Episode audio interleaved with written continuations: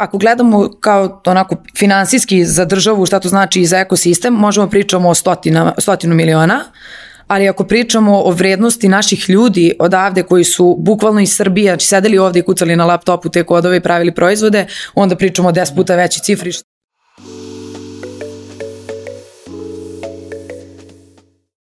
Poštovani slušalci i gledalci, dobrodošli u još jednu epizodu Netokracijenog Office Talks podcasta. Moje ime je Marko Mudrinić, moji današnji gosti su Neboša Bilotomić i Nataša Škrbić iz inicijative Digitalna Srbija. Dobro vi došli. Bolje te našli. Danas pričamo o istraživanju koje je nedavno postalo dostupno, u pitanju je Startup Scanner istraživanje koje je zapravo deo, da kažem, projekta koji ovaj, realizujete, a po, po imenu zapravo preduzmi ideju, pričat ćemo malo i o tome ovaj, danas. A, za početak, evo ne baš mislim s tom sam već jako dugo pričao nekako kako te dovedemo u podcast i, i kako negde da, da malo popričamo o tome kako je zapravo bila 2021. godina kada su startupi u pitanju, a bog mi bila je jako beričetna, pa da možda krenemo, krenemo odatle da nam to bude neki, neki uvod u, u ovu epizodu. Pa da, ovaj, jeste, dogovarali smo se, evo, konačno sednemo.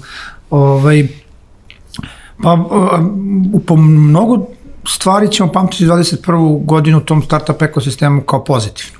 Uh, negde od uh, brzine stvaranja samih startupova, znači u nekom ukupnom broju, koji sad mi u nekim našim bazama brojimo da ih ima 330 i posljedna cifra, mi uvek računamo da jedno 20-30% nismo uhvatili, tako da verujemo da smo prešli tu cifru 400. Startupi koji su i dalje u stealth modu, jel da?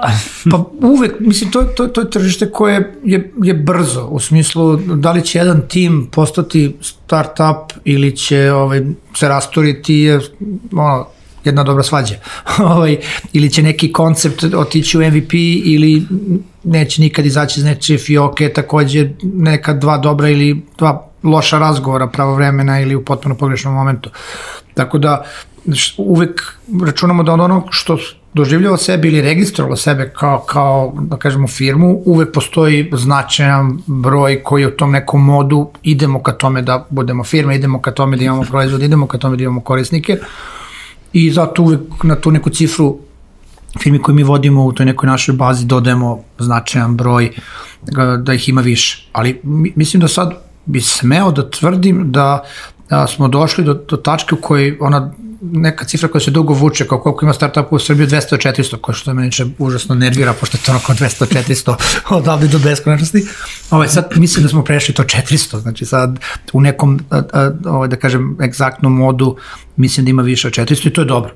Znači, jer u startup svetu kvalitet se rađa iz kvantiteta, a onda kad pričamo o, o, o, o tom nekom kvalitetu, a, a ja sam tu malo onako ono hardcore Excel pokazuje sve, ovaj ako gledamo količinu novca koju je išlo u startupove i i po tome će 21. biti zapamćena kao, kao dobra godina. Da, ma da evo već smo krenuli jako i 22. mislim Tenderly objavili ono investiciju 40 miliona, ono, jaka stvar. Pa jeste, jeste, pa jeste. Na kako ne, pa mislim ne, ne, negde kad smo se birali 20. cela godina je bila pola od toga. A sad imamo jednu firmu koja i manje, da, a sad imamo jednu firmu koja je rekla evo mi već ono kao pokrili smo 20 i gazdimo dalje.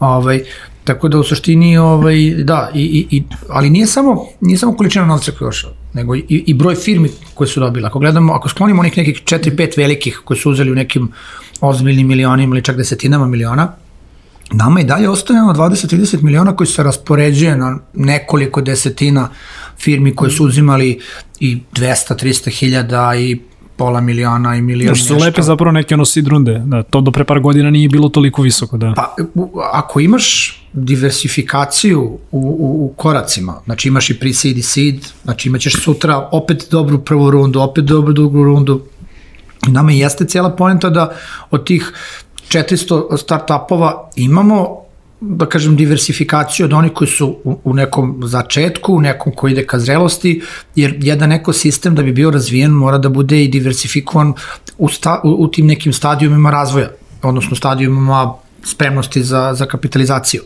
I mislim da je ono što se desilo u 21. dobar setup da mi recimo imamo dobro 22. jer kogod je uzeo novac negde početkom godine, on bi trebao da juri sledeću rundu krajem ove godine ali ta runda treba bude značajno veća odnosno na ono što je uzo 21. Tako da, ako gledamo tu disperziju uh, kapitala 21. ona nam daje za pravo da veramo 22. možda bude uh, bolje. Znači da one oni koji su bili u ranim rundama u 21. sada dođu do tih sledećih rundi i da te runde budu veće i da opet ne, ne ostane nam tenderli nešto što ćemo pričati u sledećih nekoliko godina, nego da neko i, i, i bude bolji od njih ili da oni već e, možda krajem godine ove, imaju sledeću rundu koja će biti potpuno neverovatna, pošto njihova valuacija sada je već ako ja dobro pratim nešto reda veličine preko 300 miliona, verovatno ono što su do sada uzimali, ovaj, ali ako bi oni došli do sledeće runde krajem godine, što je u, u tom svetu sasvim ok, veoma, veoma ovo je moguće, ovaj, da. moguće, onda idemo ka nekim ciframa koje su baš onako ko ispriča. Mislim, evo, baš pre neki nas smo ovaj, pisali o tome na netokraciji i South Central Ventures je zapravo zatvorio novi fond, treći po redu, 70 mm -hmm. miliona, da kažem, negde još jači fokus im zapravo biti na, na investiranje ovde na timove kako u Hrvatskoj, tako naravno i, i u Srbiji. A, Nataša, da li možda negde imamo neke brojke zapravo koliko su novca, da kažem, prikupili srpski startupi, da li je možda, mm -hmm. da kažem, i taj deo bio obuhvaćen istraživanjem, ako jeste, onda možemo i kasnije da pričamo o tome, da, da ne spojlujemo ovako na početku. Ovaj. Ovaj, pa meni je ono što je najdraže kad pričamo o 21. i da je poredimo sa 20. Naprimjer, kad smo prošle godine u januaru radili to kao koliko je bila investicija prošle godine, morali smo ipak da se nategnemo da dodamo grantove i fonda i ko je dao neki grant, pa mi to provučemo kao koliko su prikupili startup i nekoliko je investirano, da bismo dobili neku dvocifrenu lepu brojku da može da se komunicira. Ovaj, sećate, radili smo izveštaj Startup Genoma tada. Ove godine, evo baš sad pripremamo, na primjer, opet, kao bez problema, kažemo, preko 100 miliona ovaj, investicija. I oni kao, pa da, ali bez grantova. Mi kao, pa bez grantova, kao šta vi mislite ko smo mi, kao naravno bez grantova. mi to ne računamo. Da, tako da, tako da to je veliki ponos, stvarno, i kad pričamo s tim ljudima. Uh, s druge strane, prošlog januara sam ja morala da radim outreach ka VC-evima e, pogledajte šta imamo, ajde dođite, ajde malo popričamo. Mi sad ne možemo se otarasimo poziva VC-eva iz cele Evrope. Da, čini se da se tu situacija baš drastično promenila, da sad imamo više, mm -hmm. da mhm. kažem, ono, i evropskih i svetskih fondova, mislim, ono, sama, ono, Axel je zapravo, ovaj, ono, ko Standardly, ovaj, da kažem, jedni od ono, prvih investitora u Facebook, ovaj, da kažem, su sad negde onako uspostavili svoje, svoje pristustvo ovde, naravno, kroz, kroz investiciju mm -hmm. Tenderly, tako da videli smo i zapravo jako velik broj evropskih ovaj, VC fondova, yes, yes. koji sad već, da kažem, ne samo da ima svoje prisustvo ovde tako što su investirali u neki tim, već da kažem, imaju ljude koji su im baš onako ovaj on the ground, ovaj ono scouti, ajde, ako tako mogu da kažem. Ono što se pozitivno dešava u Evropi, što dobijemo specializovane fondove u smislu geografije. Znači, fondove koji dobacuju u nekoj zoni, ne znam, pomenemo, ne znam, Phil Rouge ili, ili Vitoša fond ili te neki Bugarska, Hrvatska. Mm. Znači, oni ljudi su oni gađaju ovaj deo jugoistočne Evrope. To, to im je primarni fokus. Mm. A onda na njih dolaze ovi sledeći veći evropski fondovi, a onda nam dolaze velike američki fondovi i sad i ti ako si neko ko je start-uper, mal te ne imaš izmapirano kad ćeš s kim da pričaš. Znači ono kao ne znam, pri si da je tu u lokalu nešto da se, da se snađem, da, da nađem neke ono...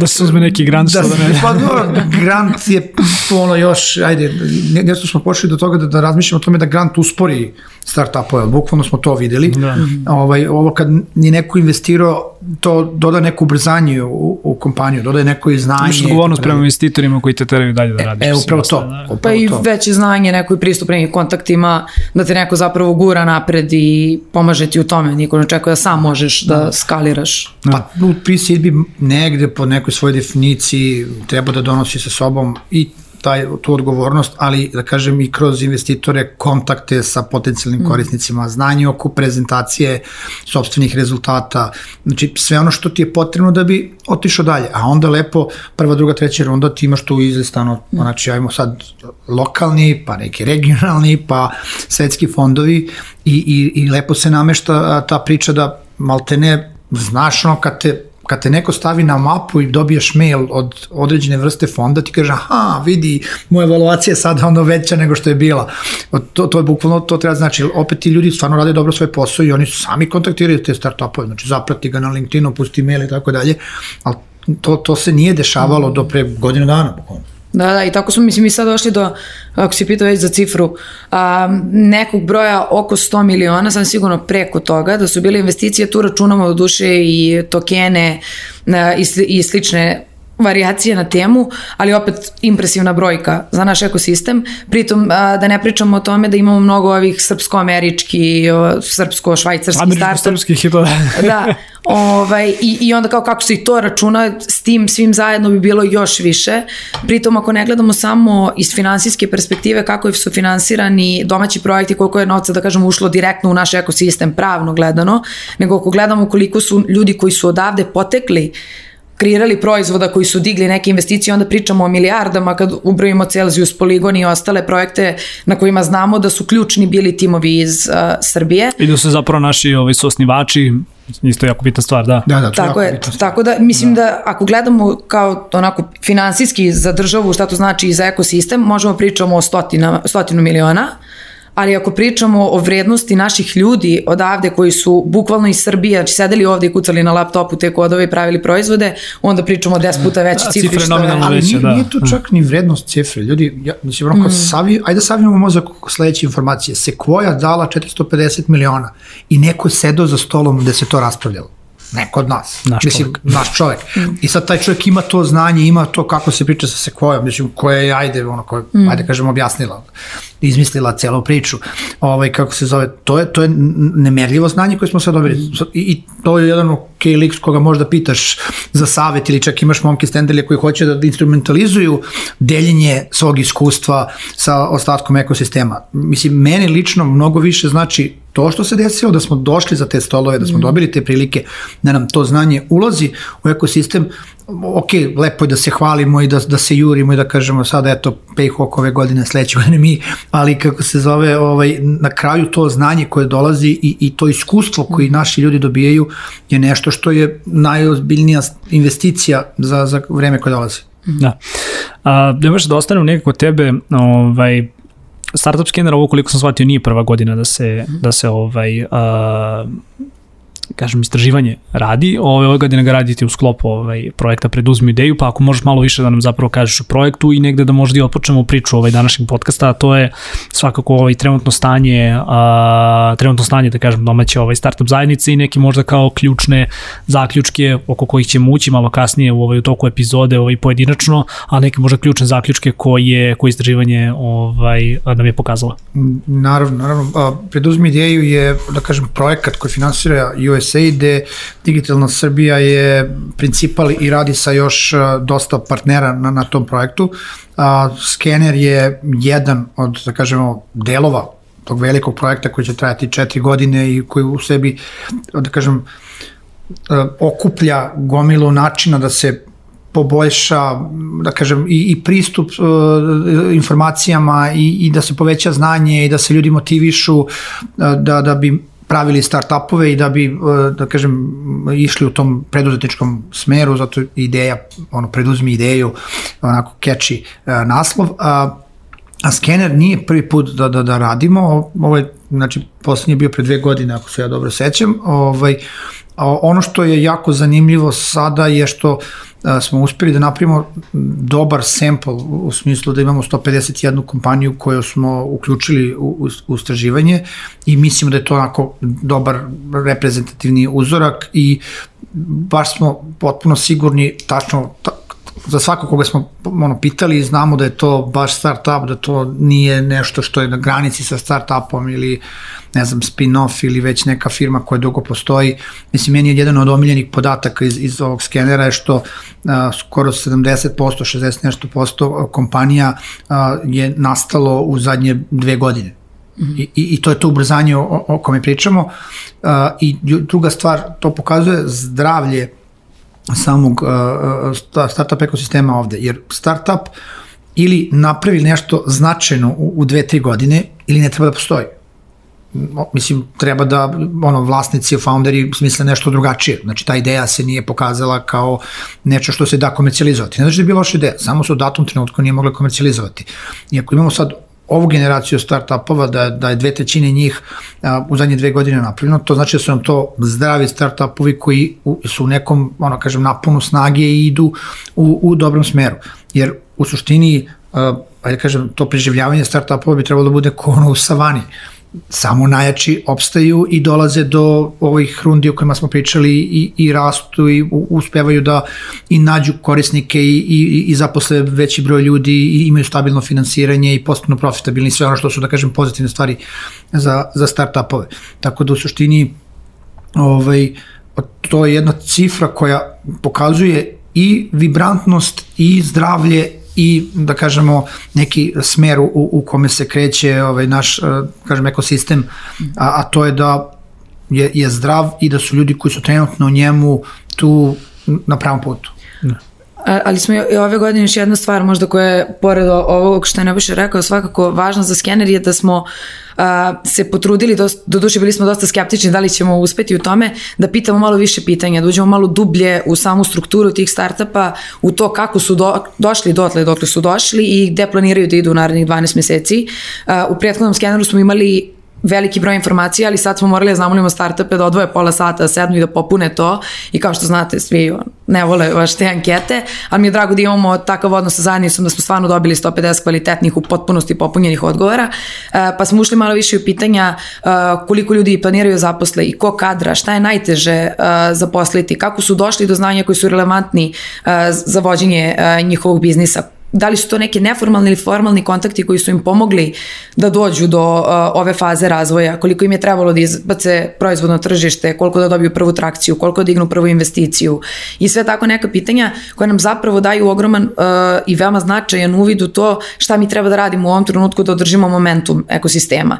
Uh, jer pomenuli smo malo pre sigurno 21. najbolja godina za naše startupe ikada i to se desilo nakon stvarno 10 godina teškog rada na raznim aspektima. Uspeh preko noći koji je ono, za koji se radilo 10 godina. Da. Da, da, da, Upravo, ali sad pitanje je održati taj momentum i stvarno da nastavimo da radimo na tome, a to možemo samo ako stvarno targetiramo sad ono da svi mi koji smo u ekosistemu i koji se bavimo na bilo koji način, od vas kao nekoga koji izveštava o tome do organizacija koje podržavaju i prave programe, da stvarno analizira ovaj skener, da se pročitaju podaci, da se prepozna organizacija koja treba da adresira svaki od ovih brojeva i da se potrudimo da sledeće godine kad uradimo ovaj skener kao što planiramo, ti brojevi onako vidimo da se mrdaju i da kad uradimo jedan, jednu analizu vidimo veliku razliku u svemu. Da. Ajde pre nego što se osvrnemo da kažem na neke pojedinačne podatke, a, koji su neki možda najveći izazovi sa, sa kojima se startupi suočavaju u ovom trenutku?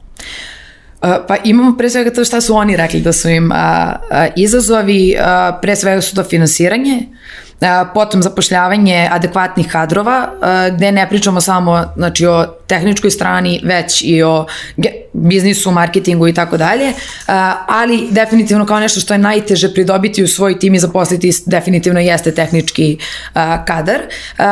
I još jedna stvar koja je jako zanimljiva koju startupi obeležili jeste nedovoljna vidljivost našeg ekosistema na globalnoj sceni. Tako da to je ono gde su nam rezultati doveli.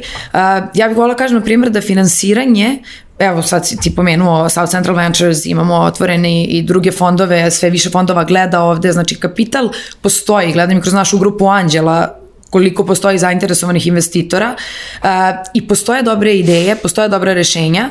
Uh, mislim da imamo gap u tome kako predstavljamo svoje ideje, kako dolazimo do investitora, koliko smo zapravo sposobni da priđemo tim ljudima.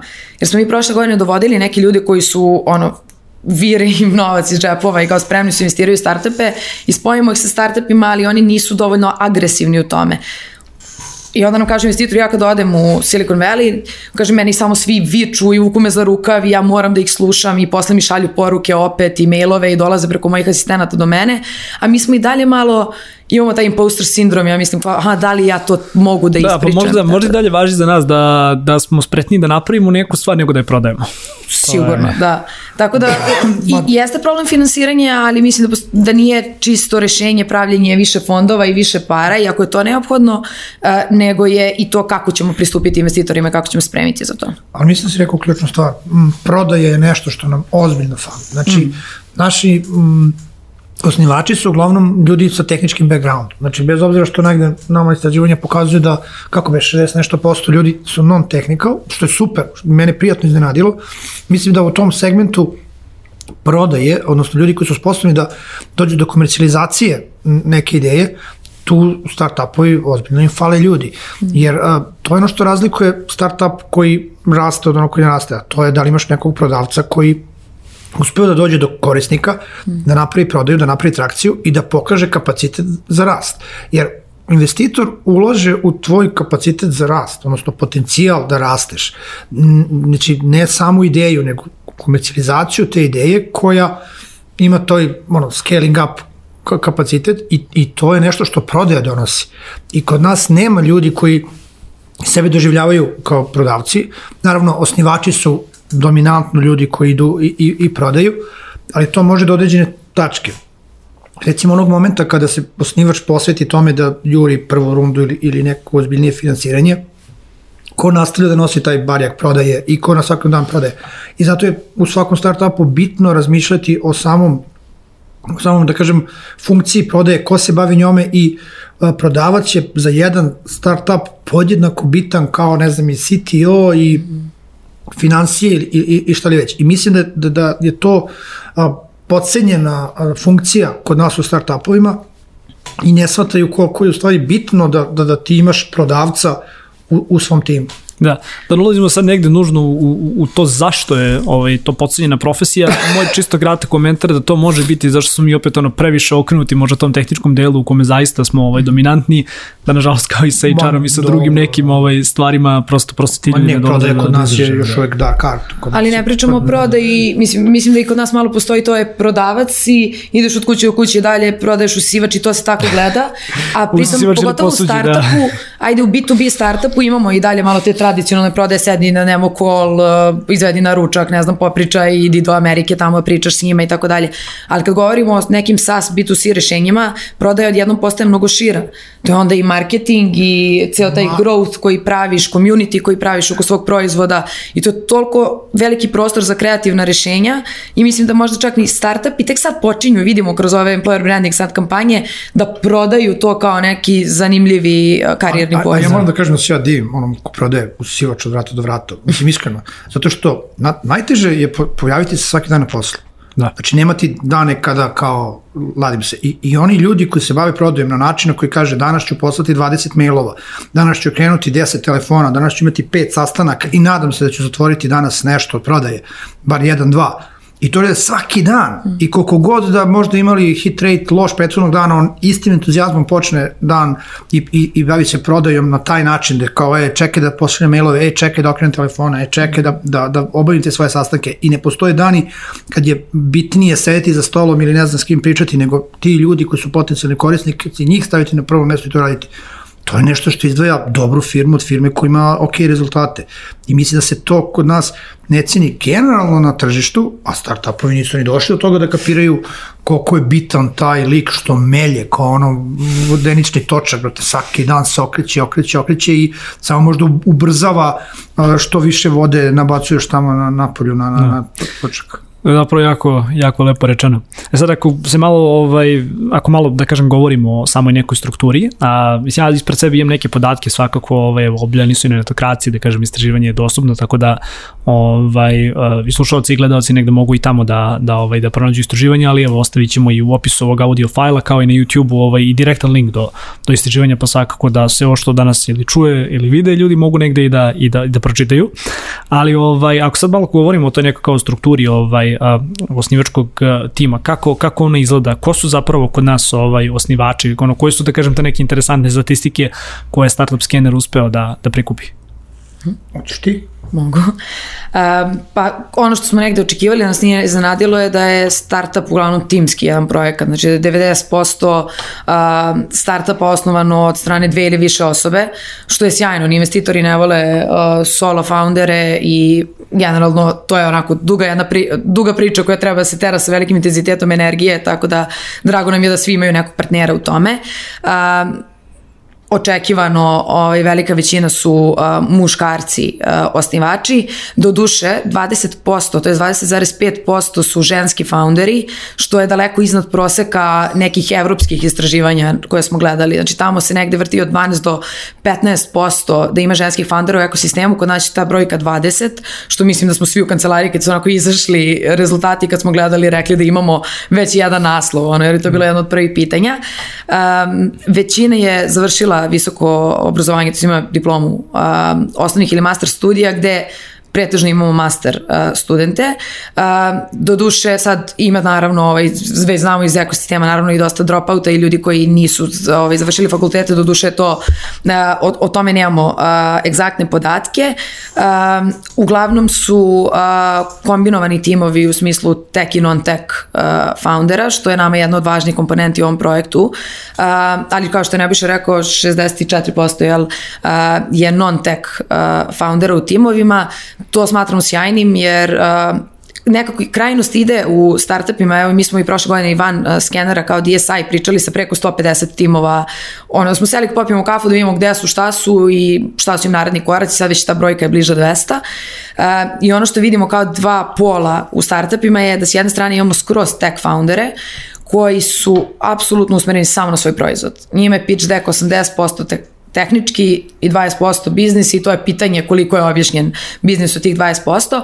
I s druge strane imamo pol gde su samo biznis ljudi, znači dobra prodaja, dobre operacije, dobar management i tako dalje i oni nemaju neku veliku inovaciju i to nije ni investitorima toliko onda zanimljivo jer ne pričamo inovaciju u smislu sad svi treba da prave metahumana, ali o inovaciji u smislu par da je nešto onako novo zanimljivo, da hoće neko se bavi time malo dublje i tako dalje, ali oni 80% objašnjavanja piča u svojim biznis ono, projekcijama i tako dalje, padne ti vilica kao wow, ti ćeš sigurno napraviš milione kad vidimo ovo šta radiš.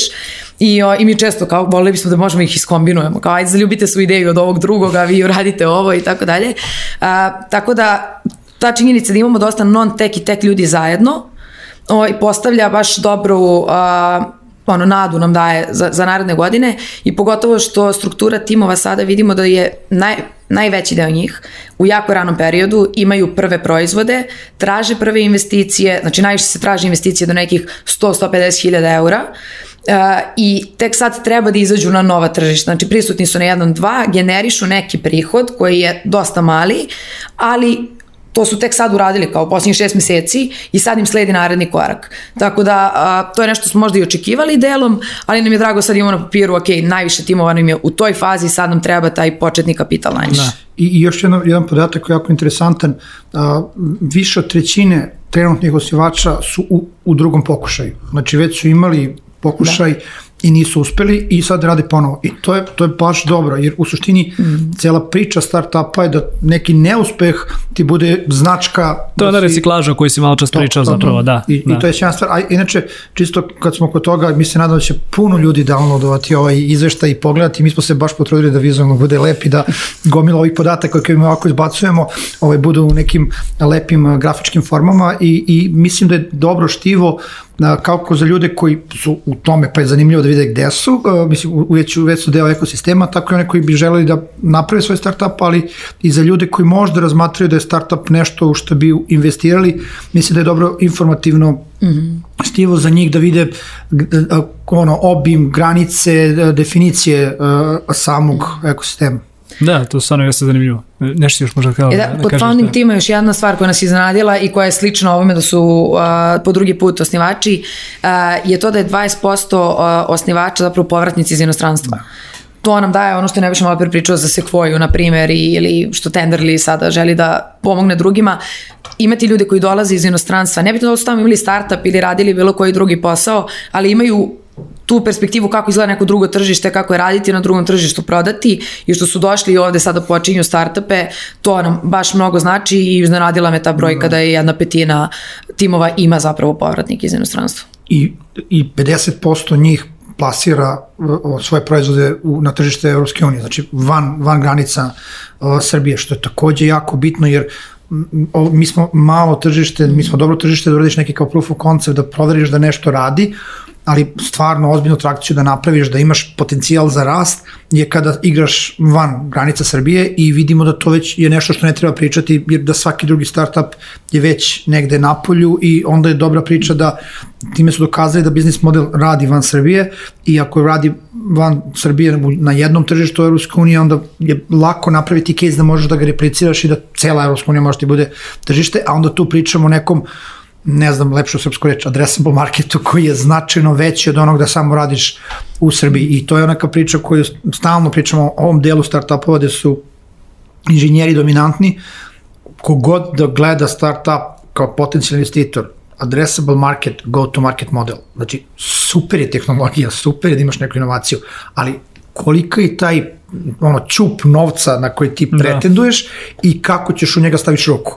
Bez, ta, bez te dve informacije, bilo kakav pitch deck je ne nepotpun, nego besmislen. Da. Podsjeti me sad na, na prve neke ono pičeve još dok su dolazili ovaj bugarski fondovi i rumunski fondovi i ono, svačega smo se nagledali u proteklih 10 godina, ali dobro, nećemo. nećemo ne, pa dobro, to, to, to smo sad, juče smo se sećali, ono kad je dolazio Eleven, šta radiš sa 30.000 koje uzmeš od Elevena, pa kupiš kola. To se seća 50 godina kao, bilo je, kao, bilo je kao, I šta radiš onda i onda kada dobiješ pare i onda i onda kupiš školu. to je bilo jo, 50 bilo je, Bilo je toga, sećam se, bilo je, znaš šta, mogu, mogu sad, ajde, mala, mala digresija, nećemo mnogo da, da, da ovaj, oduzimamo vremena od ovog glavnog dela, ali bilo je i sa, i sa prvim nekim uspešnim ovaj, exitima na, da. na području regiona, gde su se, ovaj, gde su se uz ono cash deo i da kažem neki ono tog deo kupovali jahte. Da, Tako da, ovaj, bilo, je, bilo je to svega. Ali, pomenuo si Nebojša sada zapravo tu kažem veličinu tržišta i ta neka tržišta koja, koja zapravo naši ovaj, domaći osnivači ovaj, pokušavaju da, da, da napadaju i da kažem aktivno napadaju. Mislim, pred sebe imam podatak koji kaže da ovaj, 57,6 startupa negde pokušava da a, se proširi na tržište EU, a 42,4 na tržište jugoistočne Evrope, a 36,4 na druge neke evropske zemlje, ali ono što je meni bilo malo fascinantno, pa ajde malo da probamo da, da objasnimo i taj podatak, u, mom, u mojoj nekoj glavi, u negde, ono, možda mišljenje svih ljudi ovde u zajednici jeste da dosta startupa odavde negde gađa baš onako USA tržište. Iako Evropa negde možda i po mentalitetu i po toj nekoj fizičkoj bliskosti jeste tu, tu gde jeste, ali vidimo samo da 20,5% negde planira da se proširi na tržište SAD. Da li je to možda zato što u prvom planu, u prvom cugu planiraju tržište EU ili prosto SAD im nije negde primarno tržište? Da li možda imamo više saznanja o tome? Pa, možda da. važno samo kažemo da je pitanje bilo u narednih 12 meseci. Aha. Znači pitanje je gde planirate dalju internacionalizaciju u narednih 12 meseci i onda kada se malo pre što sam rekla da su dosta njih u ranoj fazi i dižu tek taj kapital od uh, 100-150 hiljada evra, s tim parama ne može se izaći lako na američko tržište, jel? Ovaj, da je skroz očekivano negde da je Evropa prva stanica, a delom je očekivano da im je i glavna stanica s obzirom na to da to nije malo tržište, jer kad se gleda u celini i da smo mi negde kulturološki i geografski uh, dosta slični tu. I da je manje što bi se reklo, konkurentno, to je saturated. Znaš kako, da, ovo je, sad, sad da. počet ću da pravim neku muziku za moje basket analogije. Znači, ako si budeš MVP, onda ideš pravo u NBA, a u suprotnom odeš prvo u Fener ili Real, pa onda odeš u NBA. Tako da u suštini, ovaj, ako si startup koji je iz jugoistočne Evrope, prva, ono, kažem, stanica za razvoj jeste logično da bude nešto što su ono, tržišta koja su lakše za putovanje, po kulturi bliža tebi, po razumevanju i sve ostalo, a onda kad si se malo nabildovo steko muskulaturu, nećeš dobiti batine, ovaj, onda možeš da pređeš i baru i da, da probaš da. tamo. I odoš u Denver gde, gde takođe ono jako vibrantno, ovo je ono visi scena. nije loše, nije loše, imamo svog čoveka u Denveru. Da. A, da malo možda poprič dobro, mislim, generalno dotakli smo se i, i, i sastojka ovaj, koji su, da kažem, ti neki sastojci koji zapravo čine te ovaj, uspešne divove, svakako pričali smo i, i u obrazovnim ovaj, profilima, a, ali ono što mi je i dalje, da kažem, ono, mislim, ten u oku bode mi svakako oči jeste ovaj, da su žene i dalje negde nedovoljno zastupljene u, u domaćem IT-u. Nije nešto što što nismo znali, Uh, mislim, vi, ono, imamo, mislim, sama si Nataša rekla, imamo ovaj, veći broj žena, osnivača, osnivačica nego, na primjer, da kažem, Evropa, ali koliko sam shvatio iz ovog istraživanja i dalje je to jako mali broj žena koje zapravo sa, rade u samoj industriji. Kakvi su to podaci i šta nam podaci govore?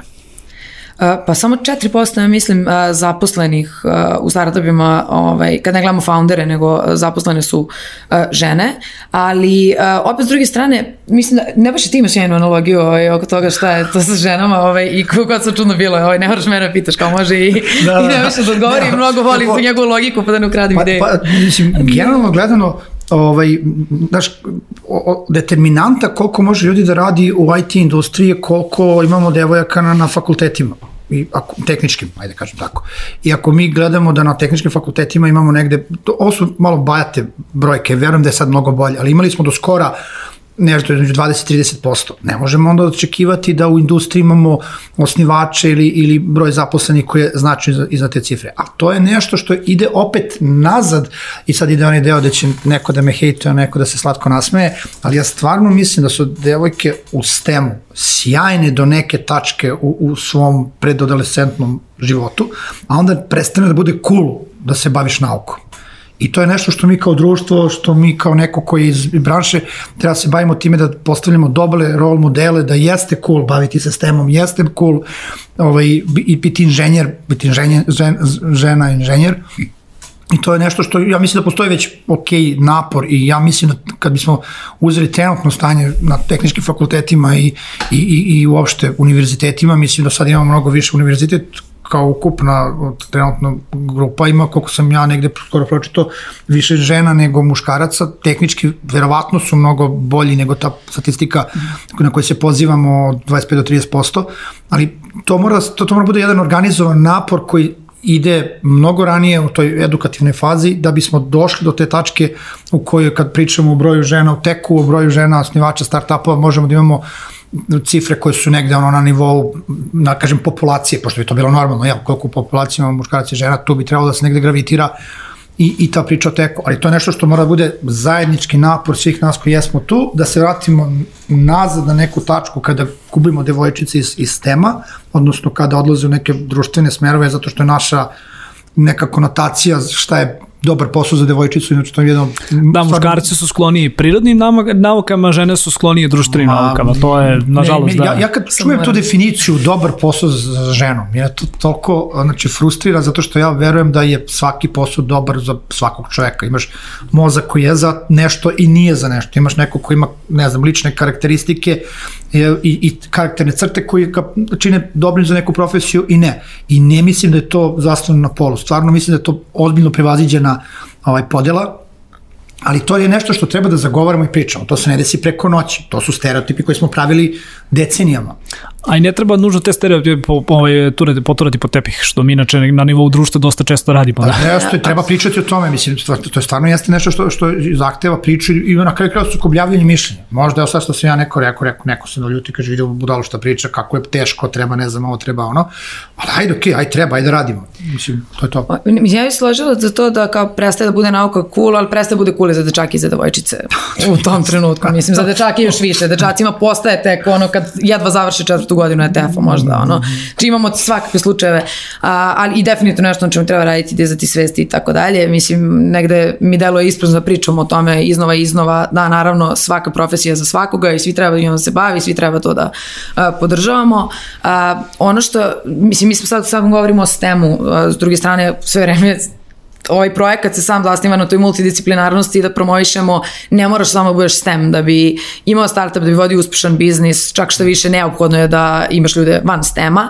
Uh, I tu imamo takođe manju reprezentativnost devojčica, znači malo, pre, to jest žena, uh, malo prava brojka što sam rekla, 4%, zapravo sad ono, vraća mi se uh, da, da je to broj žena u menadžmentu.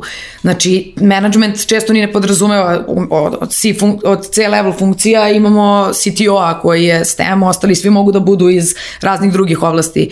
Uh, I tu, da, imamo problem sa, sa ženama, mislim, naravno, uh, činjenica toga startup je dosta nesiguran, da ti, ako si napravio startup tri godine ne prestaješ da radiš, nema tu šest meseci sada si se ugasio i uzimaš vreme za sebe, nego nastavljaš da radiš odmah posle dve nedelje i to je to. I da mnogim ženama to jednostavno predstavlja strah, nelagodu i neće tome priđu, ali s druge strane to ne bi trebalo da bude prepreka. Treba da se osnažujemo, treba da napravimo sisteme podrške ovaj, kako da možemo da radimo sve te stvari. U krajnjem slučaju, mislim, muškarac postaje otac, kad žena postaje majka, jel tako?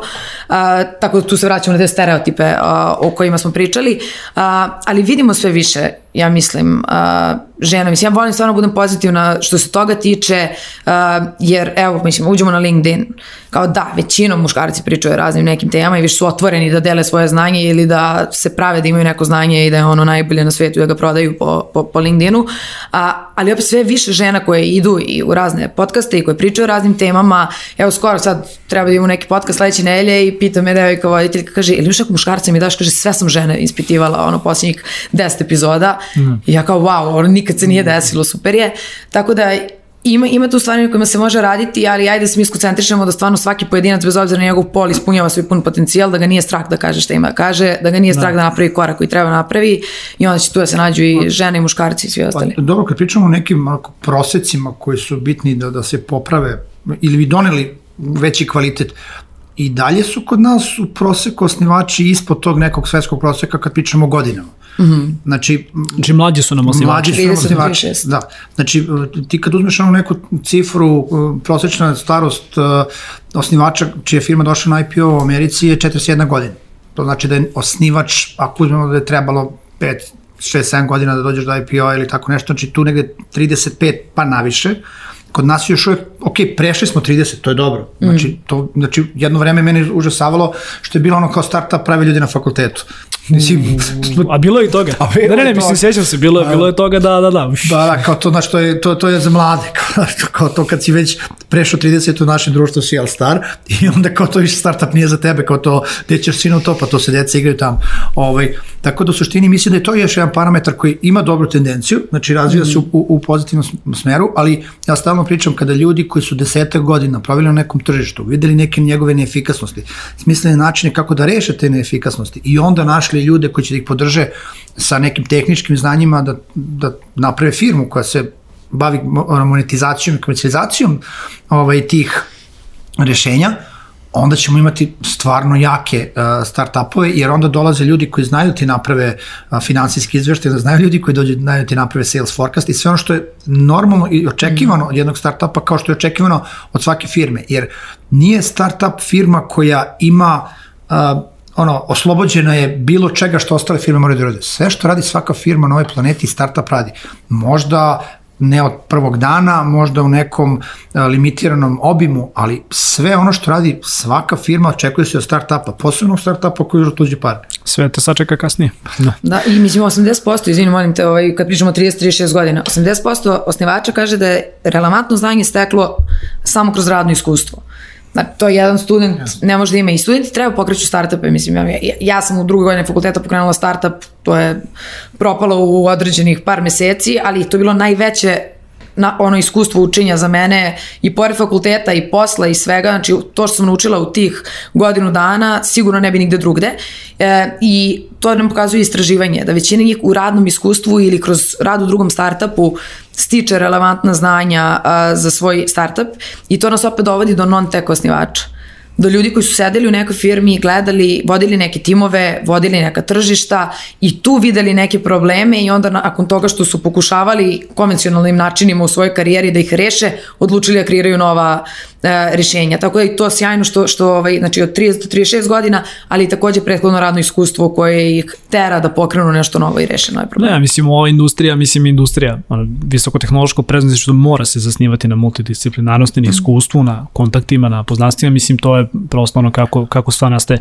Jedna stvar koju bih samo kao volao da dodam negdje možda lično kao, kao moj komentar, mislim, um, ima sad s jedne strane ovaj određeni push ka nekim programima, ka nekim inicijativama, mislim, znam da toga do dosta hejta nažalost bude kada i na netokraciji često ovaj ono pišemo ili zaštamo o nekim starima o nekim programima koji su baš da kažem namenjeni za žene u IT-u da se uglavnom javi neka ono ja bih slobodno rekao neka muška nesigurna ekipa koja kaže a zašto dajete prima tome zašto ome mora toliko da se priča? Mislim konstantno i šta hoću da kažem sa, sa ovim svojim monologom konstantno kukamo kako nema dovoljan broj ljudi u Srbiji koji bi se bavili ili tehničkim delom ili netehničkim delom ovaj, evo igrom slučaja mi sada da kažem širimo naš tim i mogu da potvrdim da je 70% prijava da su se žene, da kažem, prijavile na, na pozicije ovaj novinara koje tražimo, što je sjajno, kao to je jako lepo videti.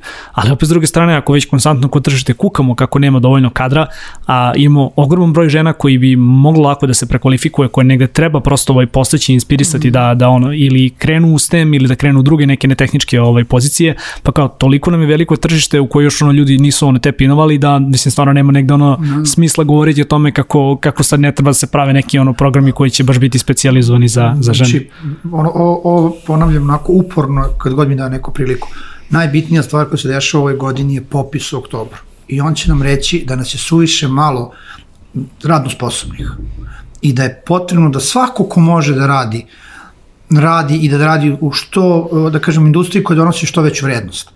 I i, žene i, i, i ljudi koji su možda čak negde na, na, na pragu penzije pa doživljavaju kako treba da smanjuju aktivnosti, su stvari rezervoar radne snage koje treba uočiti. Mi kad pričamo o domenskim znanju, ja potpuno mogu da vidim neko ko je probao 35-40 godina u određene oblasti i sve drži u malom prstu da može bude sjajan savjetnik za neki startup kako nešto raditi, ne raditi ili raditi drugačije.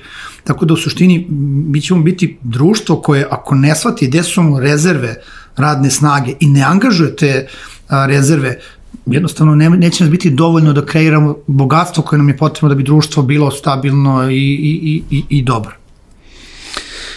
Nažalost, jako lepo rečeno. Ovaj, Evo da se mogu dotaknemo i financija, ovaj, mislim, pričali smo svakako da je sada sve veći broj ovaj, ono, fondova koji je negdje prisutan ovde na, na našim prostorima. Pričali smo o tome i da osnivači i dalje malo trebaju da nauče da nekde vuku ovaj, investitore za rukav, ali a, vidim da tu sad imamo i neke jako zanimljive podatke. A, nažalost i dalje startupi se finansiraju dobrim delom iz svojih nekih sredstava, grantovi su svejedno, ovaj, da kažem, i dalje, i dalje popularni, ali ajde negde, negde možemo da napravimo taj presek a, po procentima je situacija, da li je sada bolje nego što je, što je bilo, da kažemo, u nekom periodu pre dve godine, svako, mislim, pričali smo da su fondovi dostupniji, a da li su startupi više okrenuti ka tome da, da uđu u proces pregovora ili dalje žele to, ono, moja ideja 100% moje lasi što neću da završim kao Steve Jobs u prvom ciklusu Apple i to. pa ne srećemo mnogo ljudi koji, nisu, koji se plaše da daju equity, mislim, naravno ti uvek -hmm. razmišljaš o tome koliki je to procenat, šta je pametno, šta ostavlja dovoljno prostora za naredne runde, ko su ljudi kojima ćeš dati određeni procenat, jer uh, zavise i budućnost tvoja negde od toga.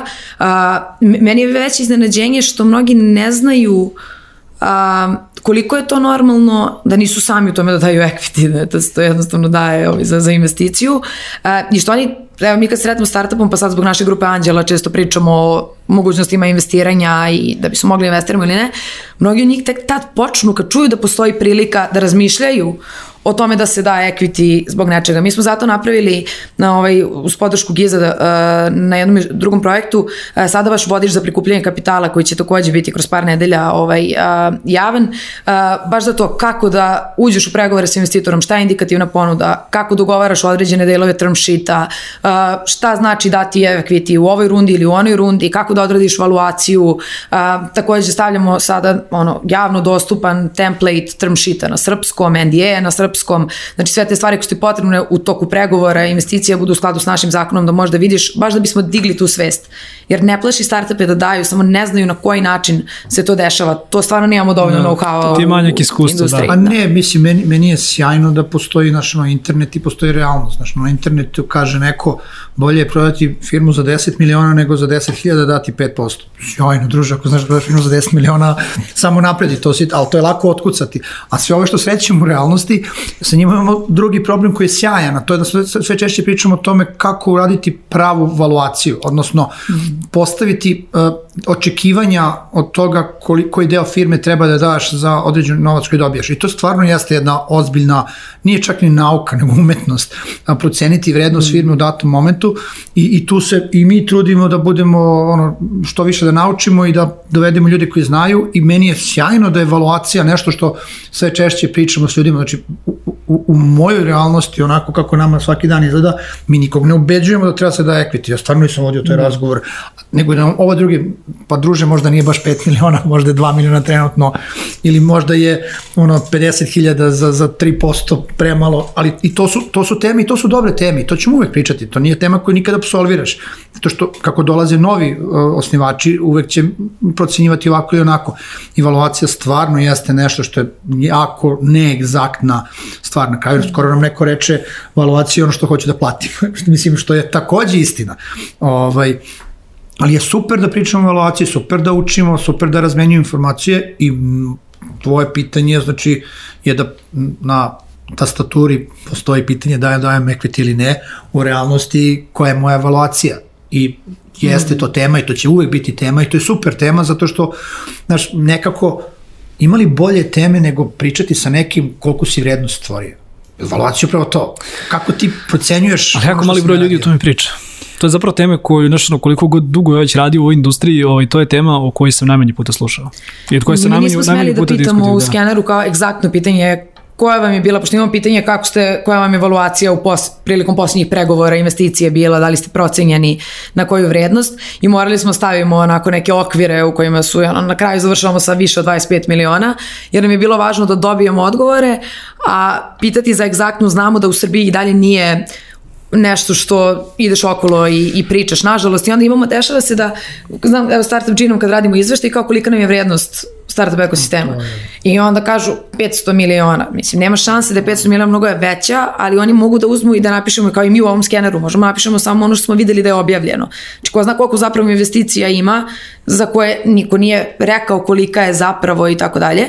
No, i to, to, to se trudimo da rešimo. Mi sad smo trenutno ovaj, u koncipiranju toga da um, dovedemo white uh, label deal room rešenje, da dobijemo od deal rooma cijelu platformu za Srbiju kod nas, gde će naši startupi moći da vide pregled našeg ekosistema, a gde će paralelno unosom svojih podataka tu biti vidljivi svima na svetu, a svi fondovi znamo da gledaju samo deal room i Crunchbase, Ovaj, baš zato podstaknemo to, ajde pričamo o tome, evo pogledajte, ako uđete na deal room, startupi objavljuju to sa ponosom, znači to je zapravo stvar, ono ne kažeš kolika ti je bila runda investicije, nego kolika ti je evaluacija bila u toj rundi.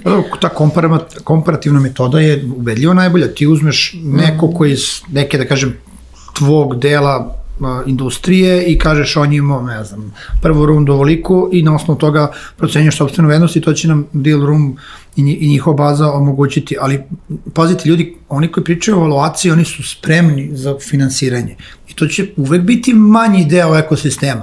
Mislim, daj Bože da mi u svakom trenutku imamo 50% startupa koji pričaju o uzimanju, a to, to nije realno, znači to, to je nešto... To, to je čak u direktnoj koliziji sa onom cifrom da do 10 startupa jedan uspe, tako da, da mislim... Znači, da. mi ćemo na, ne znam, neke stotine startupova uvek imati neke desetine koje pričaju o evaluaciji, jel se spremaju možda za podizanje kapitala. I to znači ne, neće biti tema za sve, nego će biti tema za one koji su najspremniji za sledeći korak.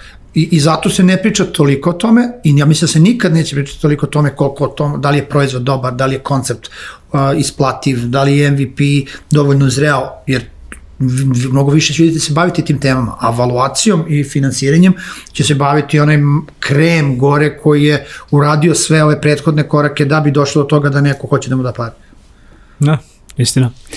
E sad evo, za kraj, ovaj, a, kako smo sad istakli, da kažem, negde najznačajnije brojke, hteo sam zapravo da spitam, obzirom da ste, ovaj, da kažem, u sklopu projekta Preduzmi ideju zapravo objavili jedan svojevrstan ovaj, vodič, da se Preduzmi ideju pokreni startup, gledat ćemo negde i njega da linkujemo.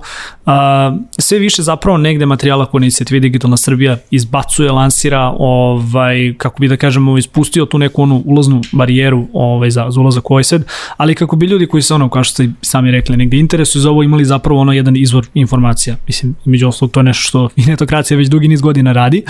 Ali evo za kraj, mislim onako prigodne pitanje, a koje su neke buduće stvari, neki projekti, neke inicijative zapravo koje, koje DSI sprema, šta je to što nas negde očekuje ovaj, u, u skoroj budućnosti? Kao glavni izvođač, što će da da odgovor. Hvala najviše. Pa pre svega ajde da, da popričamo preduzmi ideju, stvarno uz podršku USAID i svih tih partnera, imamo sada priliku da sa mnogo sjajnih ljudi i u timu i u zajednici kreiramo te materijale koji su nam neophodni za dalji razvoj ekosistema i ono čemu se posebno radujem kao non-tech osoba po startup ekosistemu je definitivno vodič How to get a job in tech, odnosno jedan vodič koji kreiramo za sve ljude koji nisu tehnološki ovaj, obrazovani, prosto rečeno nisu programeri i inženjeri, koje su to prilike za posao za njih u IT industriji i u tech, u techu generalno, znači startupima. Uh, jer dolazimo od toga da, ok, svi znamo šta su inženjeri i programeri i onda oni ovaj, dobijaju uh, poslove, rade se razni projekti, ali sad i naše i outsourcing firme, ali i firme koje sad razvijaju proizvode, prelazu neki novi nivo, nove projekte i nove zadatke i nove funkcije koje su im potrebne. I odjednom sad nije samo inženjer i programer ono što ti je važno u timu, nego i oni koji će da uobliči to i da proda i da izmarketira i da privuče nove ljude ovaj, u firmu kroz eh, HR, employer branding i tako dalje. Eh, I zbog toga hoćemo napravimo taj vodič da svi koji su eksperti u svojim industrijama i koji smatraju, a ne, ja ako radim u nekom FMCG-u marketing, nema šanse ja da radim u IT-u, ovaj, da objasnimo da to zapravo ima toliko sličnosti da ti je potrebno da pogledaš par kuseva, da tri meseca budeš tu u priči, da shvatiš i da su zapravo osnove svega iste i da tek zapravo nudi možda veliki, veliki procenat svojih poslova za baš non-tech ljude. A nikada ne znaš kada ćeš ta znanja zapravo sa prehodnog posla iskoristiti na novom poslu, da. Baš tako. Tako da mene taj vodič posebno raduje i bit će tu još uh, raznih edukativnih materijala po različitim vertikalama uh, u uh, startupima i generalnoj industriji uh, i radi se na, mislim da nam je skener onako važan da, da ga naravno to što smo ga objavili, ali da sad sa njim sednemo sa svim drugim organizacijama i da vidimo šta treba dodatno uraditi, s obzirom da naš projekat e, dosta radi sa postojećim organizacijama podrške na određivanju njihovih trenutnih kapaciteta, njihovim planovima i kako mogu da ostvare te planove u budućnosti da bolje podrže startup ekosistem, e, potom treninge profesora na fakultetima e, koji treba da uhvate te studente dok kad imaju dobru ideju da znaju da ih podrže na pravi način, promociju Beograda kao destinacije za one koji žele da rade kao digitalni nomadi ili koji bi došli jednostavno ovde da, da se presele i stvaraju sebi karijeru u teku, jer Beograd za stvarno sa kvalitetom projekata nudi sjajnu priliku uh, svima, tako da to je nešto što je preduzmi fokus i što će preduzmi ideju uh, da radi u naravnom periodu i uh, to sve možete vidjeti i na preduzmi sajtu. Što se tiče DSI-a i startup ekosistema, radimo na mnogo inicijativa s obzirom da smo bili dosta uključeni u izradu strategije za razvoj startup ekosistema, dosta si upoznat s tim.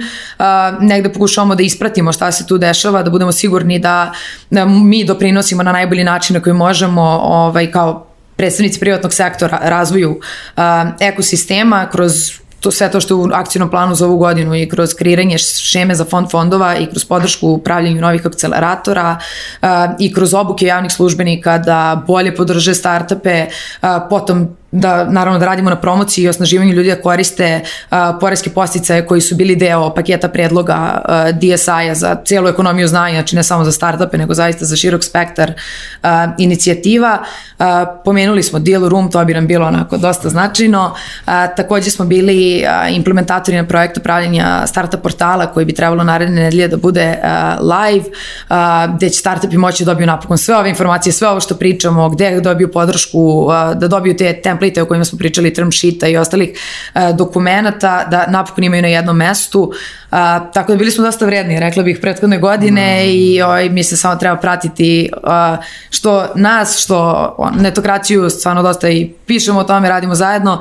Uh, mislim da, da će onako biti dosta mnogo lepih vesti uh, o ekosistemu, a ne samo o startupima. Ja bih možda samo dodao još jednu stvar koju planiramo i to će se desiti možda za koji mesec.